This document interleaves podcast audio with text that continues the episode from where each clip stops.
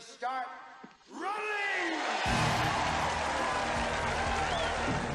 Hola, què tal? Benvinguts una setmana més al podcast. Pels que no em coneixeu, em presento. Soc en Pau Garriga, el responsable del blog del director frustrat.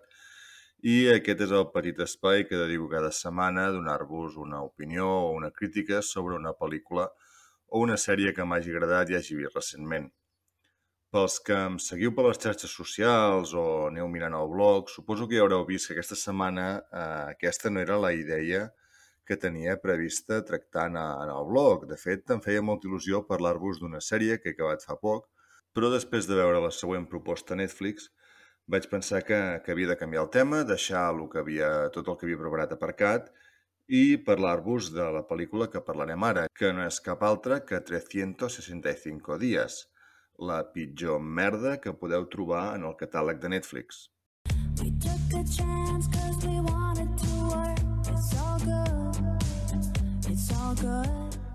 Ja sé que esteu pensant, Pau, Netflix està ple de morralla, de pel·lícules i sèries de baixa qualitat que no fan més que omplir el catàleg. Sí, si volem qualitat, ens en anem a Filmin i donem de baixa la subscripció a Netflix, però no, no estic parlant d'això, amics, estic parlant d'autèntica basura.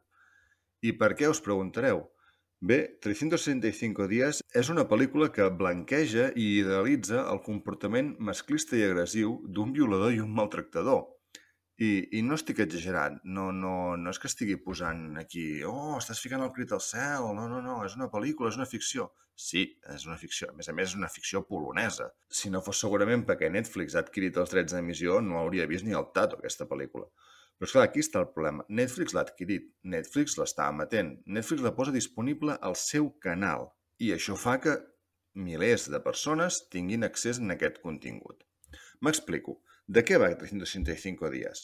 La pel·lícula tracta d'un jove mafiós italià que per circumstàncies de la vida un dia veu una noia, eh, se'n queden, se n'obsessiona amb ella, no, no, se n'enamora segons ell, però el terme correcte seria se n'obsessiona, i dedica 5 anys a buscar-la.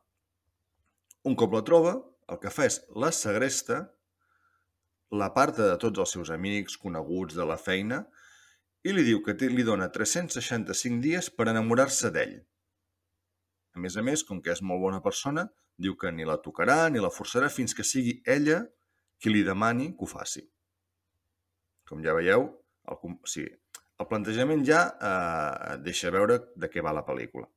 Però és que el més lamentable no és això, que, que ja és dia. O sigui, el més lamentable és que la noia decideix entrar en el joc i, i s'ho pren com un, un mètode de seducció. A més a més, hi ha moments en què se sent afalagada per ser víctima d'aquest segrest i que un noi tan ben plantat, tan guapo, tan ric, li doni aquest tipus d'atenció. O sigui, tots els comportaments tòxics que la societat, la gent, portem anys o porten anys eh, intentant treure del cap aquests comportaments eh, possessius, aquests comportaments eh, masclistes, eh, tot això resumit en una pel·lícula de, de dues hores, eh, amb prou feines que arriba a les- dues hores. Massimo è un domatore di leoni, un dominatore di donne. Oh, Pau, és que ets un exagerat, uh, perquè al final s'acaba demostrant que és una història de- d'enamorament i, i de retenció i que el noi realment està molt enamorat d'ella i que, clar, que es comporta així perquè és l'única manera que sap afrontar aquests sentiments. Do doncs no, amics. O sigui, si estàs enamorat d'una persona i vols cridar la seva atenció, la convides a sopar, li compres regals, la convides en el cinema, però el que no fas és segrestar-la i tancar-la en un lloc en contra de la seva voluntat fins que aquesta persona comenci a tenir sentiments per tu. I si aquesta persona no et fa cas, doncs la deixes estar. I potser pots tornar a provar més endavant, però no insisteixes. O sigui, el comportament clàssic d'un acusador, el comportament clàssic d'un maltractador. I és que, a més a més, aquest paio, eh, en Massimo, eh, el primer que veiem d'ell és una violació. Una violació típica de pel·lícula porno, perquè la pel·lícula el que acaba siguent és una mala pel·lícula porno amagada darrere d'una història d'amor. Si vols fer una pel·li porno, fes una pel·li porno. No ens queixarem de les pel·lícules porno, cadascú faci el que vulgui. Però no ho venguis aquí com un... Eh, ficant-hi una musiqueta d'aquestes eh, sensuals, ficant-hi bons vestits, ficant-hi elegància, com si fos una història, una història romàntica. Però és que tornem-hi. O sigui, dintre de la violació, la noia que és violada, a més a més, un cop acaba, sembla que acabi agraïda perquè li hagi passat. És, és que és, és indignant. Això són els cinc primers de, minuts de pel·lícula. Sigui, només veient això ja us farà una idea de, de cap on va la història i de quin és el, el to. Perquè, a més a més, aquesta pel·lícula s'està venent com les ombres de Grey en versió més, més mediterrània, més, més llatina. Eh, no, senyors, o sigui, Sombres de Grey és un nen mimat ric que li agrada jugar amb fuets, que li agrada que el lliguin i la cera calenta. Aquí estem parlant d'un comportament abusiu, d'un comportament de maltractador, d'un masclisme que s'està intentant erradicar de tot arreu. Fiquem un cartellet davant de lo que el viento se llevó, perquè una pel·li feta fa més de 80 anys té un comportament que pot resultar ofensiu i aquí no avisem de res i ho deixem publicar tranquil·lament i emetre, és, o sigui, la doble moral és, és realment increïble. Perquè, a més a més, un dels problemes és, és això, o sigui, algú va pensar que això era un contingut eh, atractiu i, i prou vàlid com per eh, emetre-ho en una gran plataforma com és Netflix.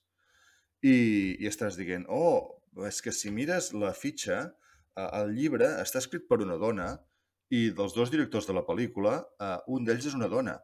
Uh, sí, amics, uh, la imbecilitat no entén de gèneres i, i uh, desperteu que el masclisme tampoc. Sigui, tots els estereotips que surten en aquí és la fantasia sexual d'un maltractador o d'una persona a que està còmoda a, a dins del maltracte. Buonasera. Ti prego, fammi uscire di qui.